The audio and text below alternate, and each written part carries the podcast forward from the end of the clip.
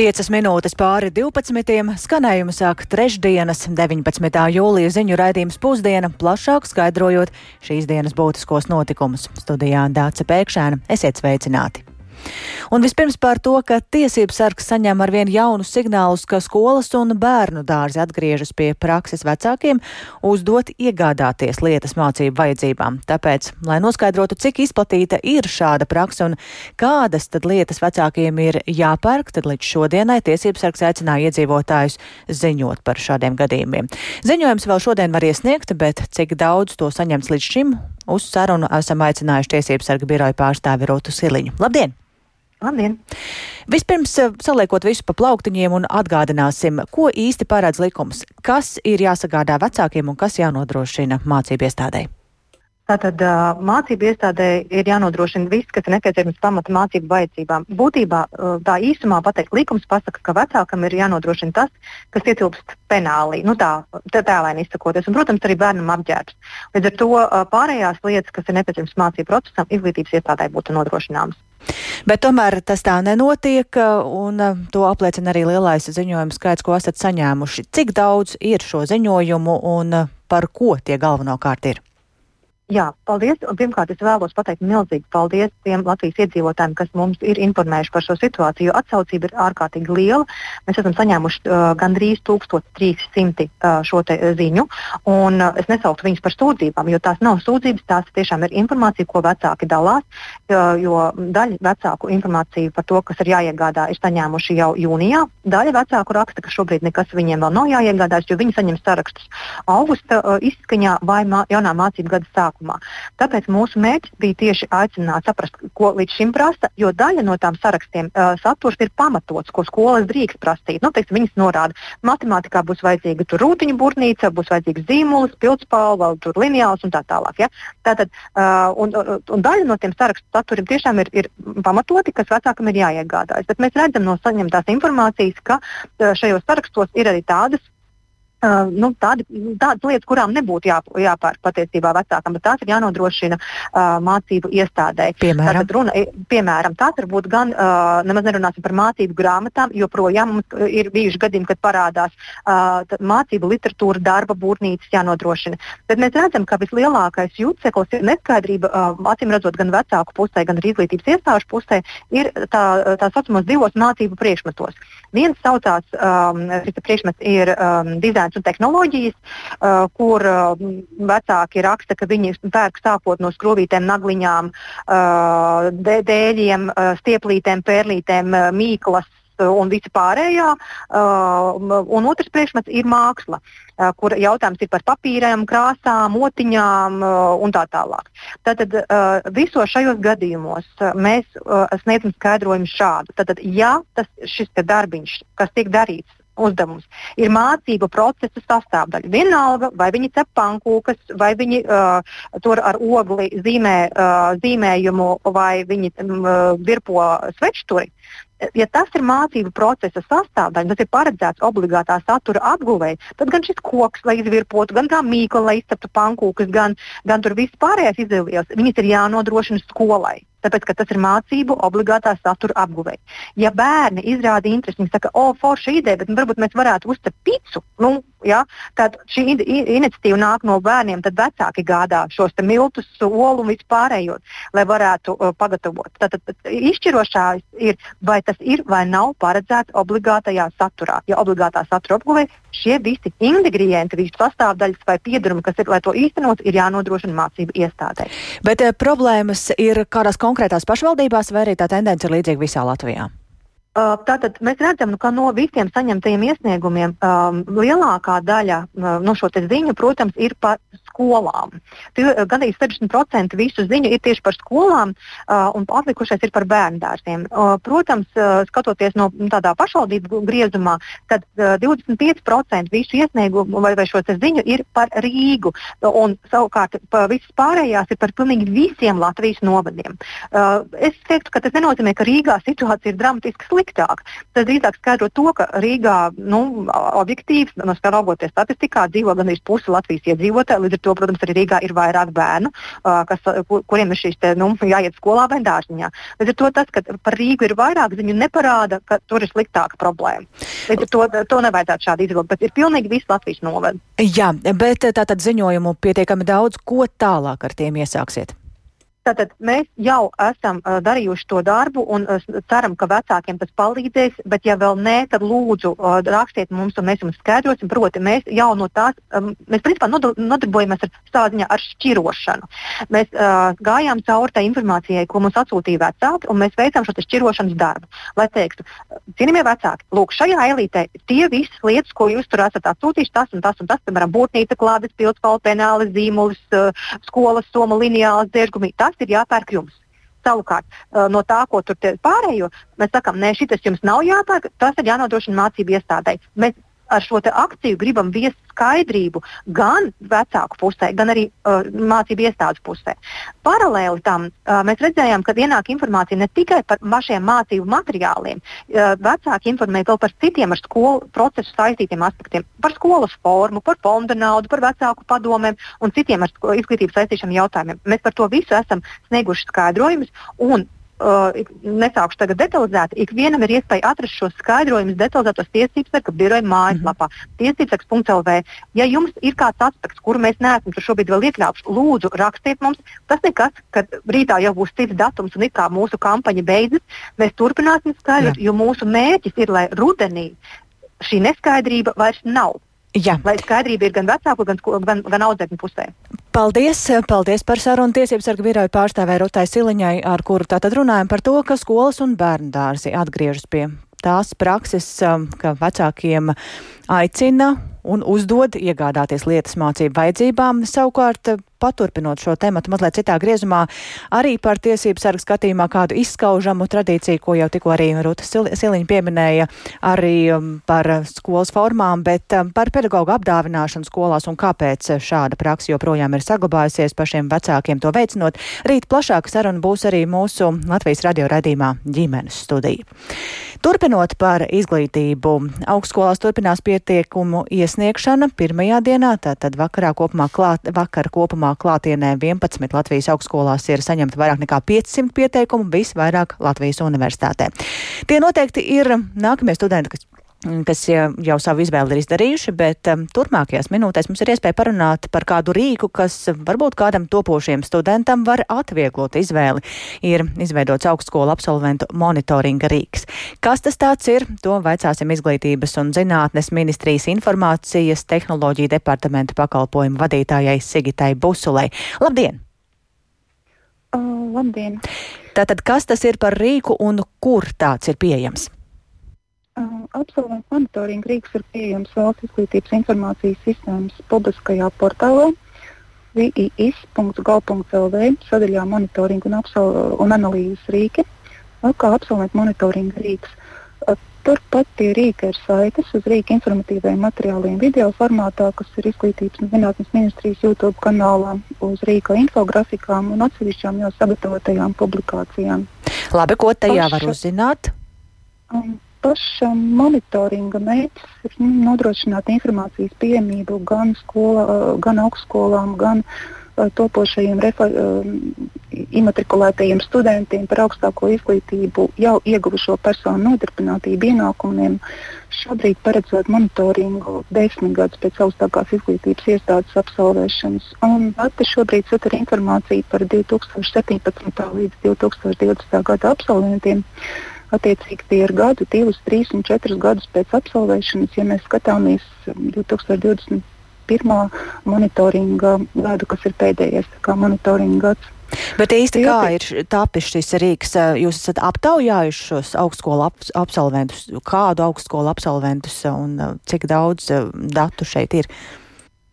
Šie ir administratīvie dati, kas ir iegūti datu apmaiņas ar valsts reģistriem rezultātā. Uh, Šogad Latvija ņēma dalību arī Eirograda pilotu pētījumā, veicot absolventu aptaujas. Tie bija 2017. un 2021. gada absolventiem. absolventi, un paldies, kur ņēma dalību, un paldies mūsu sadarbības partnerim uh -huh. Kantar, kurš to veica. Bet jā, dati, kas ir pieejami, tie ir par, par absolventiem, kas pabeidz augstākās izglītības iestādes un kuriem ir Latvijas Republikas personas kods. Bet tie ir 98% no visiem absolventiem. Jā, paldies. paldies. Mēs runājām ar Sigitu Busuli no Izglītības un zinātnes ministrijas un runājām par augstskolu absolventu monitoringu rīku, kas šobrīd ir pieejams ikvienam, bet īpaši noderīgs varbūt topošajiem studentiem. Bet tagad turpinām ar notikumiem Ukrainā. Krievijas raķešu un dronu kārtējo triecienu galvenais mērķis aizvadītajā naktī un no rīta bija Ukrainas dienvidos esošā Odesas pilsēta. Krievija Odesu apšaudījusi ar spārnotajām raķetēm un Irānas ražotajiem droniem. Ukrainas bruņoto spēku pārstāvi saka, ka pēdējā laikā tieši Odesas apgabalā Krievijas raķešu uzbrukumu intensitāte pastiprinās. Vairāk par to Rustams Šukuros. Kā vēsta Ukrainas bruņoto spēku gaisa spēku pavēlniecība, Krievija apšaudīja Odesu ar 30 spārnotajām raķetēm Kalibr, Onyx, H-22 un H-59, kas tika palaistas no Melnās jūras akvatorija un okupētās Krimas pussalas. Tāpat Krievija Odesas apgabala virzienā palaida vairākus desmitus Irānas piegādātos kaujas dronus Shahed. Ukrainas gaisa spēku vienības pretgaisa operācijās iznīcināja 14 spārnotās raķetes un 23 kaujas dronus. Ukrainas armijas operatīvā štāba dienvidi preses dienesta vadītāja Natālija Humeņuka tikmēr telekanāla Freedom ēterā paziņoja par trāpījumiem Odesas jūras ostas infrastruktūras objektiem. Ukrainas operatīvā štāba pārstāvē arī norādīja, ka Krievijas triecienu rezultātā ir vairāki cietušie, bet neviens cilvēks nav nogalināts. Humeņuka sarunā ar Ukrainas žurnālistiem atzīmēja, ka līdz ar Krievijas izziņoto izstāšanos no Melnās jūras graudu iniciatīvas Maskava pastiprina uzbrukumu intensitāti Ukrainas dienvidu reģionam, jo īpaši Odesas ostas infrastruktūrai. Humeņuka arī norādīja, ka Krievijas raķešu un dronu uzbrukumi tiek īstenoti ar mērķi iznīcināt Ukrainas dienvidu reģiona ekonomisko potenciālu.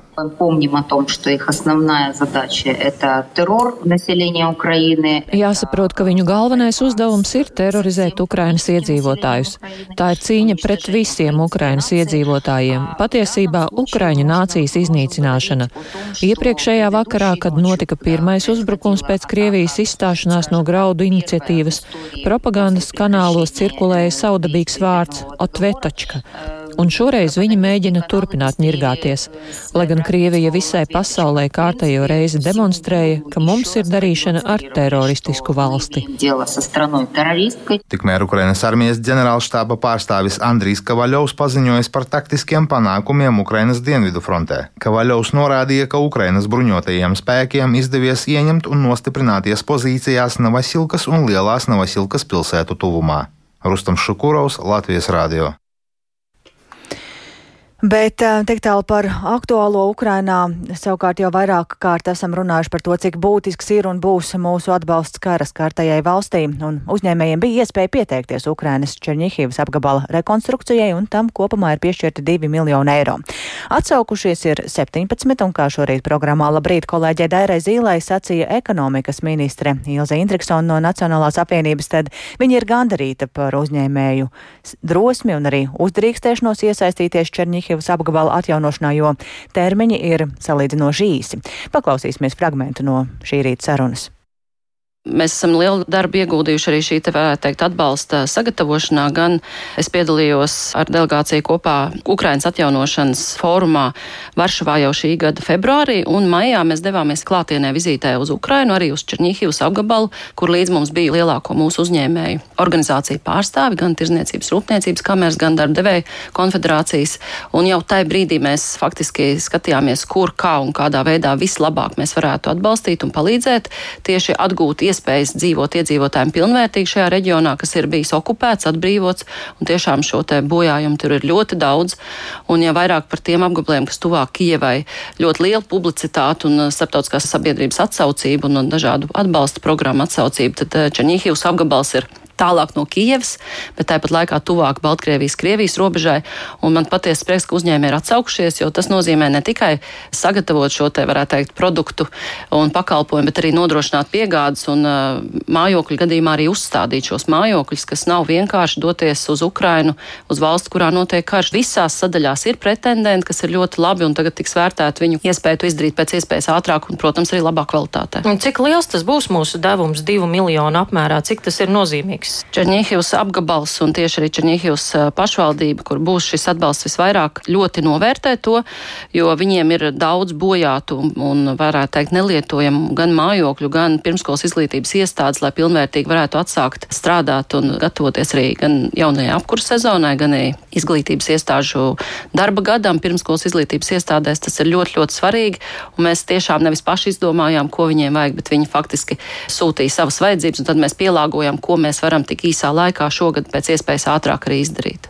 Bet mūsu ražotājiem kāds ir no tā ieguvums? Es domāju, ka tā kā arī šajā atbalsta pasākumā ir konkurence, Un noteikti mēs esam iepriekš veikuši tādu, varētu teikt, tirgus izpēti, cik kas maksā. Tad noteikti tā nebūs nekāda lielā peļņa. Tas būs tieši tāda pati peļņa kā jebkurā citā piedāvājumā, kur uzņēmējs savstarpēji sacenšas gan par kvalitāti, gan par cenu. Šis būs tāds pirmais uzsaukums, vai būs arī vēl iespējas līdzīgos projektos iesaistīties? Šobrīd mēs ļoti ceram izveidot kārtību un sistēmu, ka mēs pastāvīgi turpināsim šo atbalstu. Arī valdība ir izteikusi apņēmību arī nākamajos gados Ukrainas atjaunošanā piedalīties ne tikai ar sabiedrības un humānu atbalstu, bet noteikti arī ar valsts atbalstu. Tā kā paļaujamies, ka turpināsim arī šo darbu nākamajos gados. Dzirdējām ekonomikas ministri Ilze Indriksoni. Bet jau gandrīz mēnesi no sabiedrības acīm ir nozudis Ķīnas ārlietu ministrs Ķīns Gans, kurš ir tūs prezidenta Sīdziņa Pina sabiedrotais. Ķīnas valdība sīkāk nekomentē ministra prombūtni, tāpēc plašumā vēršas dažādi pieņēmumi par to, kas varētu būt noticis ar ārlietu ministru.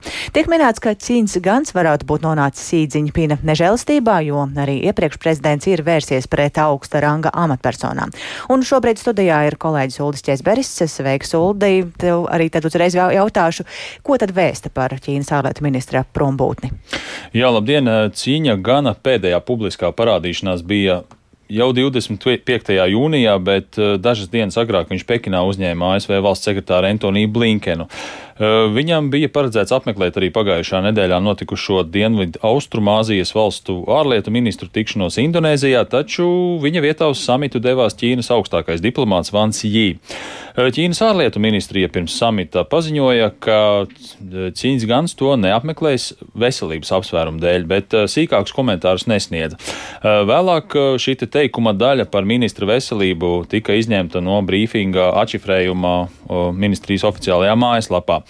Bet eh, šo pirmdienu eh, notika Ķīnas ārlietu ministrijas kārtējais eh, brīfings, kurā laikā kāds ārvalstu žurnālists arī vaicāja, kur tad atrodas Ķīnas gans, uz ko ministrijas pārstāve atbildēja, ka viņa nevar sniegt nekādu informāciju. Nu, ārlietu ministra prom, prombūtne acīm redzami ir ielgusi, tāpēc cīņa gana nozušana no sabiedrības acīm ir izraisījusi daudz jautājumu ne tikai Ķīnā strādājošo ārvalstu diplomātu un arī Ķīnas politisko vērotāju vidū, bet arī pašā Ķīnas sabiedrībā. Un eh, pēdējās nedēļas laikā Ķīnā lielākajā internetu meklētājā Baidu ievērojami ir pieauguši ieraksti, kas ir saistīti ar cīņu ganu, un ārlietu ministrs ir apsteidzis arī daudzas populārākās Ķīnas popkultūras zvaigznes. Un eh, neziņa, protams, ir radījusi augsni dažādām, dažādiem pieņēmumiem par to, kur tad varētu būt ministrs. Un populārākā versija ir tāda, ka ārlietu ministram ir bijuši ārlaulības sakari ar kādu populāru Ķīnas televīzijas raidījumu vadītāju. Un par to pret viņu varētu būt uzsākta izmeklēšana. Nu, tāpat nestiek izslēgta iespēja, ka Cīņas Gans ir apsūdzēts korupcijā, kuras apkarošana ir viens no Ķīnas prezidenta Sīdziņpina tādām lielākajām prioritātēm. Telekanāla CNN vecākais ārvalstu korespondents Vils Riplīs norāda, ka dažādas spekulācijas par Gana nozušanu ir saprotamas, nu, ņemot vērā, ka Pekina izvairās komentēt ārlietu ministra pazušanu. Nu, tad varam arī paklausīties. But this is what happens when you have an explanation that is given basically, oh, he has health, health reasons. Bet tā notiek, ja ir pateikts vienīgi tas, ka viņam ir kādas veselības problēmas. Tāpēc cilvēki jautā, kādas ir viņa veselības problēmas, vai viņš ir nonācis Sīdziņpina nežēlastībā, un vai tāpēc viņam ir problēmas ar veselību. Tādējādi tiek doti mājieni par viņa iespējamu atrašanos cietumā vai pat par kaut ko ļaunāku. Ir pamatoti jautājumi, vai tas ir saistīts ar plaši pazīstamu pazīstamo Sīdziņpina stingro vēršanos ne tikai pret amatpersonu korupciju, bet arī pret pretējiem viedokļiem, un cilvēki brīnās, kas varētu būt noticis. Izplatās arī baumas par viņa privāto dzīvi, bet mēs to nevaram komentēt, jo arī Ķīnā internetā izplatās daudz viltus ziņu. Jā, un jāpiebilst, ka Ķīnā nu, nav neierasti, ka ietekmīgas amatpersonas uz ilgu laiku pazūd bez nekādiem paskaidrojumiem, bet vēlāk jau parādās ziņas par šo cilvēku aizturēšanu, piemēram, saistībā ar apsūdzībām korupcijā. Tāpat ir bijuši gadījumi, kad pēc ilgākas probūtes amatpersonas atkal atgriežas publiskajā uh, apritē, bet nekādas īpašas paskaidrojumus nesniedz, kāpēc tad ir pazudušas. Tā kā, tāda ir Ķīnas politiskā sistēma. Paldies, eh, tev, Uldi, par šo skaidrojumu, kur tad varētu būt palicis Ķīnas ārlietu ministrs, bet atgriežoties pašmājās, Rīgā jābūt vienam vicemēram, satiksmes jomai ir jāmaina politiskā vadība un domē jāatjauno pretkorupcijas komisija. Kā uz šiem vakar domas koalīcijas sarunās izskanējušiem priekšlikumiem raugās tagadējās koalīcijas frakcijas, to šodien interesējās kolēģis Viktors Demīdovs, kurš šobrīd pievienojies studijā. Sveiks, Viktor, un jā, vai frakcijas kādus eh, šiem, no šiem kompromisa priekšlikumiem atbalsta? Labdien! Nu, vakar Rīgas domas koalīcijas sarunās izskanējušos priekšlikumus vairums frakciju jau ir izskatījušas. Un sāksim ar skaļāko redzējumu, ko izteica frakcija par progresīvie, ka viņuprāt Rīgā triju vicemēru vietā ir jābūt tikai vienam. Nacionālā apvienība, Latvijas reģiona apvienība to ir izrunājusi un uzskata, ka grandiozas pārmaiņas pašvaldībā nevajadzētu ieviest. Arī uz progresīvo redzējumu, ka satiksmes joma ir politiski jāmaina, Nacionālā apvienība raugās izturās piesardzīgi. Koalīcijas otra lielākā frakcija, jaunā vienotība, progresīvo priekšlikumus vēl nekomentē. Turpretim domas kodola vismazāk pārstāvētā grupa, deputātu bloks Kots Rīgai, domu ir noformulējusi. Lūdzu, paklausīsimies vicemēras Lindas Ozolas rakstisko komentāru, ko ierunā kolēģe. Pēc vakardienas sarunām ar bijušajiem koalīcijas partneriem, progresīvajiem, kā viņi paši uzsver, radās iespējas, ka viņu frakcija iet nevis uz kompromisiem, bet gan situācijas sāsinājumu, mēģinot atjaunot centralizētu varas ietekmi un kontroli pār visām nozarēm. Tas, ko viņi pēc būtības piedāvā, ir samazināt koalīcijas partneru Kots Rīgai un Nacionālās apvienības Latvijas reģiona apvienības jau tā mazo ietekmi līdz neko nelemjošam statusam. Mūsu prioritāte ir iespējami drīz atjaunot Rīgas domas rīcības spēju, tāpēc Kots Rīgai rīt nāks ar savu konstruktīvu piedāvājumu. Dzirdējām, kā uz progresīvo priekšlikumu raugās deputāta bloks kods Rīgai, kurā ir četri domas kodola deputāti. Savukārt trīs pieminētie domas, mm, eh, domas kodola partneri progresīvajiem vakar piedāvāja savu redzējumu, kā rast kompromisu, un viņi izteicās, ka varētu atjaunot pretkorupcijas komisiju, kas Rīgā savulaik bijusi, un tās komisijas pārziņā būtu dažādi strīdīgi jautājumi, piemēram, notikumi satiksmes departamentā, darbinieku komandējumi un citi. Un šī komisija sastāvētu no katras frakcijas pārstāvjiem un ierēģiem. Frakcija par progresīviešu priekšlikumu ir apsprieduši, taču, kā viņi man šorīt norādīja, viņiem trūkst informācijas, lai izteiktu viedokli. Pret to viņi nav, bet viņi vēl turpinās to vērtēt. Un koalīcijas nākamās sarunas iespējams varētu notikt jau rītdien, kad trīs koalīciju frakciju pārstāvi kopumā izrunās, kopā izrunās savu redzējumu par minētiem piedāvājumiem, taču sarunas varētu arī notikt tikai nākamajā otrdienā, kā šodien to pateica progresīvie. Jā, paldies Viktoram Devimīdovam. Mēs turpināsim sekot līdz tas savā ziņā par politisko tirgu, taču raidījuma turpinājumā vēl īsi par īstu tirgu, kas ir ļoti svarīgs lauksaimniekiem, zemniekiem un mājražotājiem, kuri vasarā pārdod savu produkciju un rāžu. No šodienas vakara stundās Rīgā darbu atsāk arī vidzemes tirgus, un cik izdevīgi tirgoties un iepirkties tirgu. To šodien mēģina noskaidrot kolēģis Santa Adamsona, kurš šobrīd līdzās studijā. Sveika, Santa! Jā, un ko tev ir jau izdevies paspēt noskaidrot, un kāda ir tava secinājuma? Uh, sveiki, es nu pat atgriezos no Rīgas centrāla tirgus, biju tajā laukumā, kas ir ārpus paviljona, kur tirgo svaigas ogas, dārzeņus, zaļumus, sakņaugus, tomātus un, un tam līdzīgi.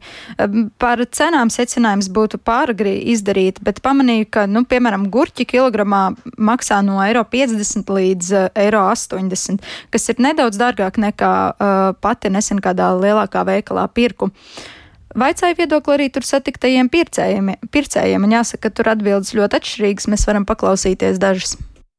Bieži nākat uz tirgu? Nē, nē, nē, nē. Pirmo, nu labi, ne pirmo reizi, bet nav bieži. Kāpēc tā? Es nezinu, tālu no mājām. Tāpēc. Nu, uz tāda pirmā acu uzmetiena izdevīgāk varētu būt tirgu vai tomēr veikalā labāk iepirkties? Nē, man liekas, ka veikalā ir lētāk nekā tirgu, bet droši vien, ka tirgu ir tā, ka tu vari atrast vietējus produktus. Tas ir plus. Vot, bet nu, maksā tu vairāk par vietējiem produktiem nekā veikalā. Protams, jā, izdevīgāk. Ja, ja gribat braukt, bet nav parkinga šeit. Ar mašīnu nevar piebraukt, tāpēc es ne... Bet cenas pat tā kā pašmāju produktiem ir lētākas, ja nekā? Jā, protams, laikam divreiz lētāks. Jā. Izdevīgumu? Jā. Šeit ir vairāk svaigs, pieejams, ot manām rociņām. Pati varu regulēt, ko man vajag.